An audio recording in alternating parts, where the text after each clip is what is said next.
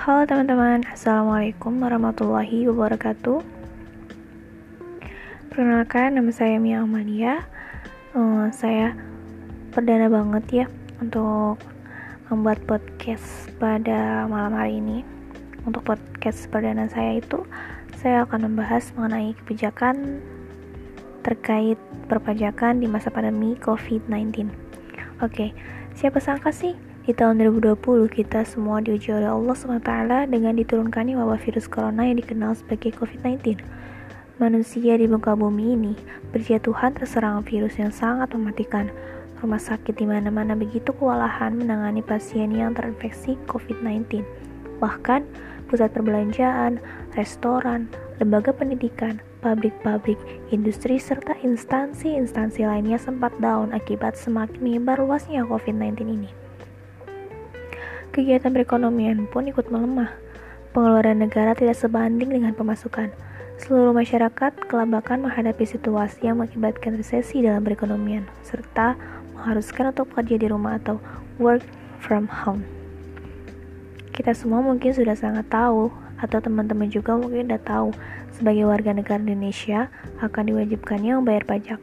Memang, hasil pajak bukanlah income kita, melainkan income negara kita tidak langsung mendapatkan imbalannya, melainkan bisa kita rasakan manfaatnya di kemudian hari.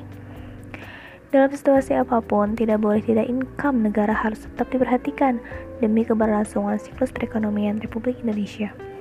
Keluhan dari beberapa masyarakat yang dirasa wajar apabila melihat pendapatan yang minim dan diharuskan pula membayar pajak dengan persentase yang tinggi, maka hal itu tidak sangat memberatkan untuk beberapa kalangan masyarakat. Belum lagi untuk biaya hidup.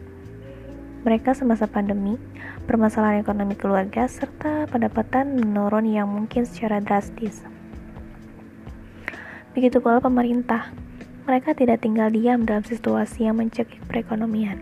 Mereka berpikir, bagaimana sih caranya agar masyarakat tidak merasa keberatan dalam membayar pungutan pajak di masa pandemi demi memperlancar income negara untuk kesejahteraan bersama.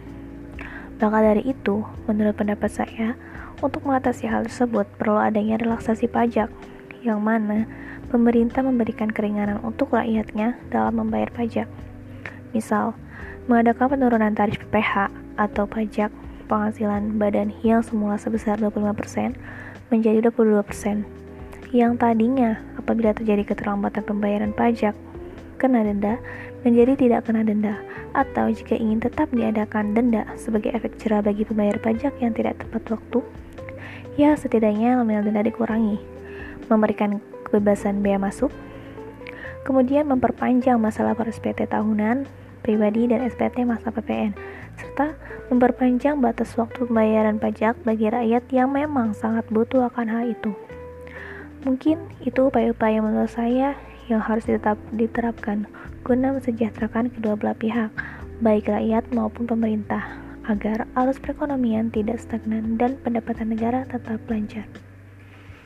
Oke teman-teman, mungkin ini podcast perdana saya. Semoga bermanfaat. Assalamualaikum warahmatullahi wabarakatuh.